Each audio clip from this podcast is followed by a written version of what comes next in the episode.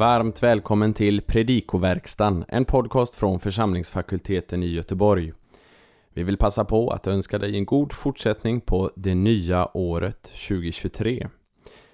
Daniel Johansson ska alldeles strax få gå igenom evangelietexten för 13 dag jul, men innan jag lämnar ordet till Daniel så vill jag påminna än en gång om möjligheten att delta i FFGs bibelkonferens den 24 till den 25 februari i år. Temat är Den levande Gudens son och du är varmt välkommen att delta. Men nu lämnar jag ordet till Daniel och önskar dig en god lyssning.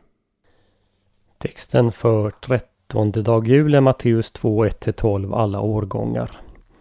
Vi ser först på några svårigheter vid översättning av texten och några val man måste göra.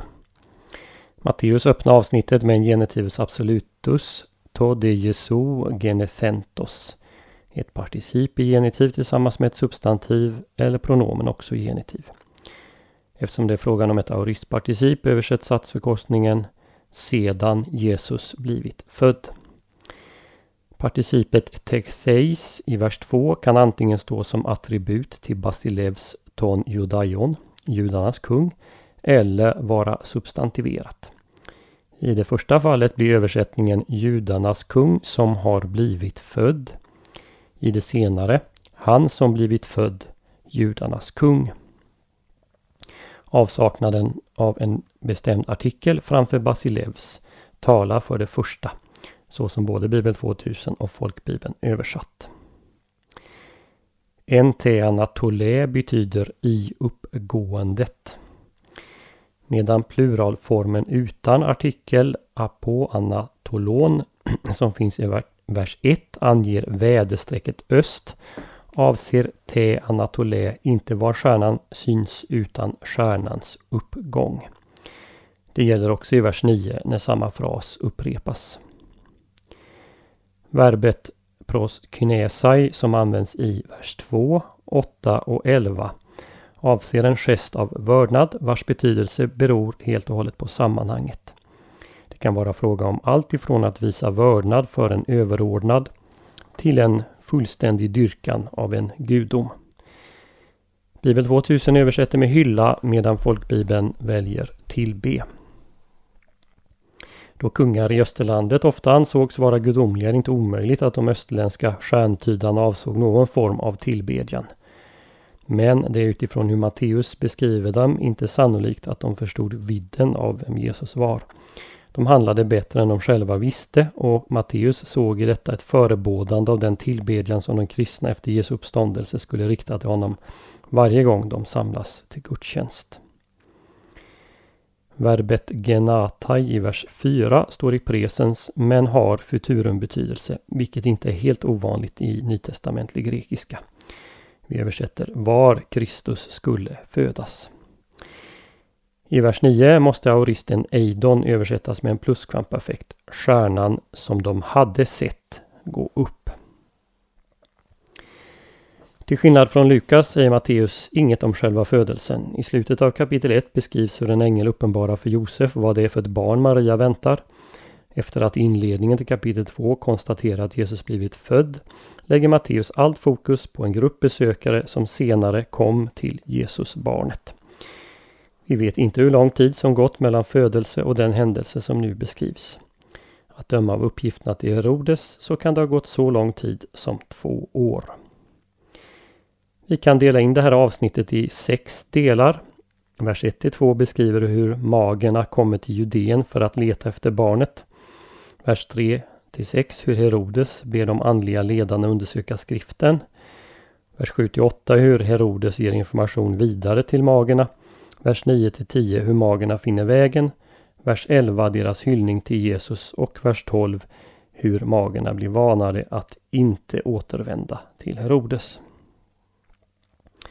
Så några kommentarer till innehållet i avsnittet. Herodes framställs ofta som en grym eh, despot. I likhet med många andra i äldre och nyare tid som regerat framgångsrikt under en längre tid regerade han med list och våld och mord. Men han var också sin tids främste byggnadsherre som genomförde enorma byggprojekt både i sitt eget land och utrikes. Allt från städer till borger och slott och inte minst utbyggnaden av tempelplatsen i Jerusalem. Mot slutet av sitt liv blev han paranoid och dödade flera i sin egen familj. Att han blir upprörd över berättelsen om stjärnan stämmer väl överens med vad vi vet om Herodes från andra källor. Och att det leder till en upprördhet i hela Jerusalem är också förståeligt.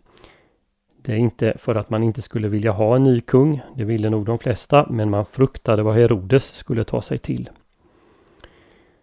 Dödsåret för Herodes brukar sättas till år 4 f.Kr. vilket därmed skulle ange senast möjliga datum för Jesu födelse. Det här datumet är dock ifrågasatt.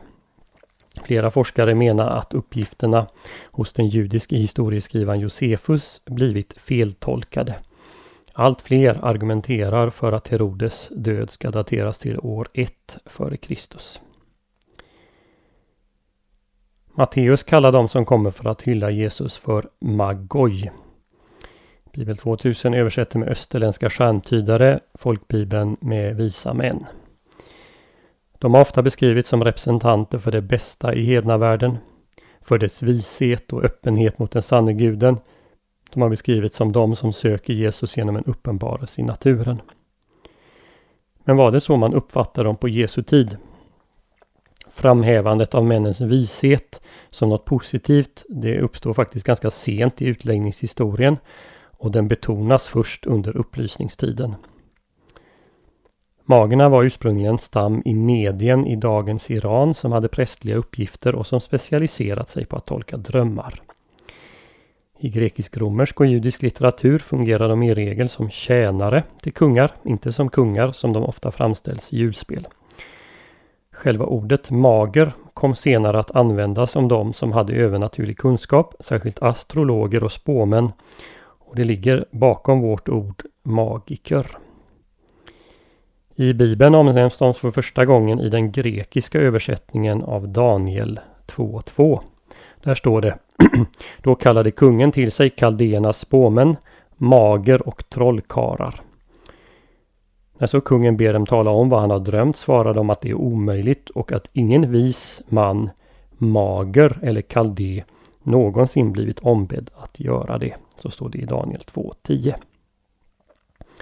I Daniel 2 kontrasteras alltså dessas, magernas oförmåga och okunskap med Daniels gudagivna vishet. För en jude i Jesu samtid förknippades magerna med okult kunskap. De var tjänare till härskare som ofta förtryckt Guds folk. De dyrkade inte den sanne guden utan var ovisa när det gällde sann kunskap och fromhet. Ingen kunde förvänta sig att några mager skulle komma och söka efter judakungen som var förutsagd i skriften. Därför är det inte så konstigt att Matteus inleder med ett C. C. mager kom från öster. De tidigaste åhörarna och läsarna måste ha frågat sig, vad gör de här? Matteus berättar inte hur besökarna kommit till slutsatsen att den iögonfallande stjärnan avsåg en nyfödd judisk kung. Utläggare här hänvisar ofta till Biliams messianska profetia i fjärde Mosebok 24.17. En stjärna trädde fram ur Jakob. Men hur och om magen överhuvudtaget kände till den, det säger Matteus inget om.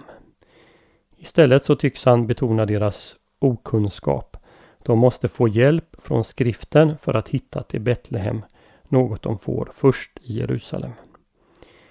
De har inte heller fullt ut förstått vem barnet verkligen är. De kommer för att hylla honom som en vanlig jordisk monark.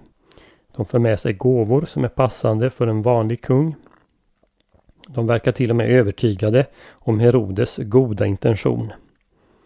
Bara ett ingripande från Gud avvärjer katastrofen att de återvänder till honom och avslöjar var den konkurrerande nyfödde kungen befinner sig. Magerna framstår som allt annat än visa män vars lärdom leder dem till Kristus. Istället är de okunniga människor för vilka Gud uppenbarar Kristus.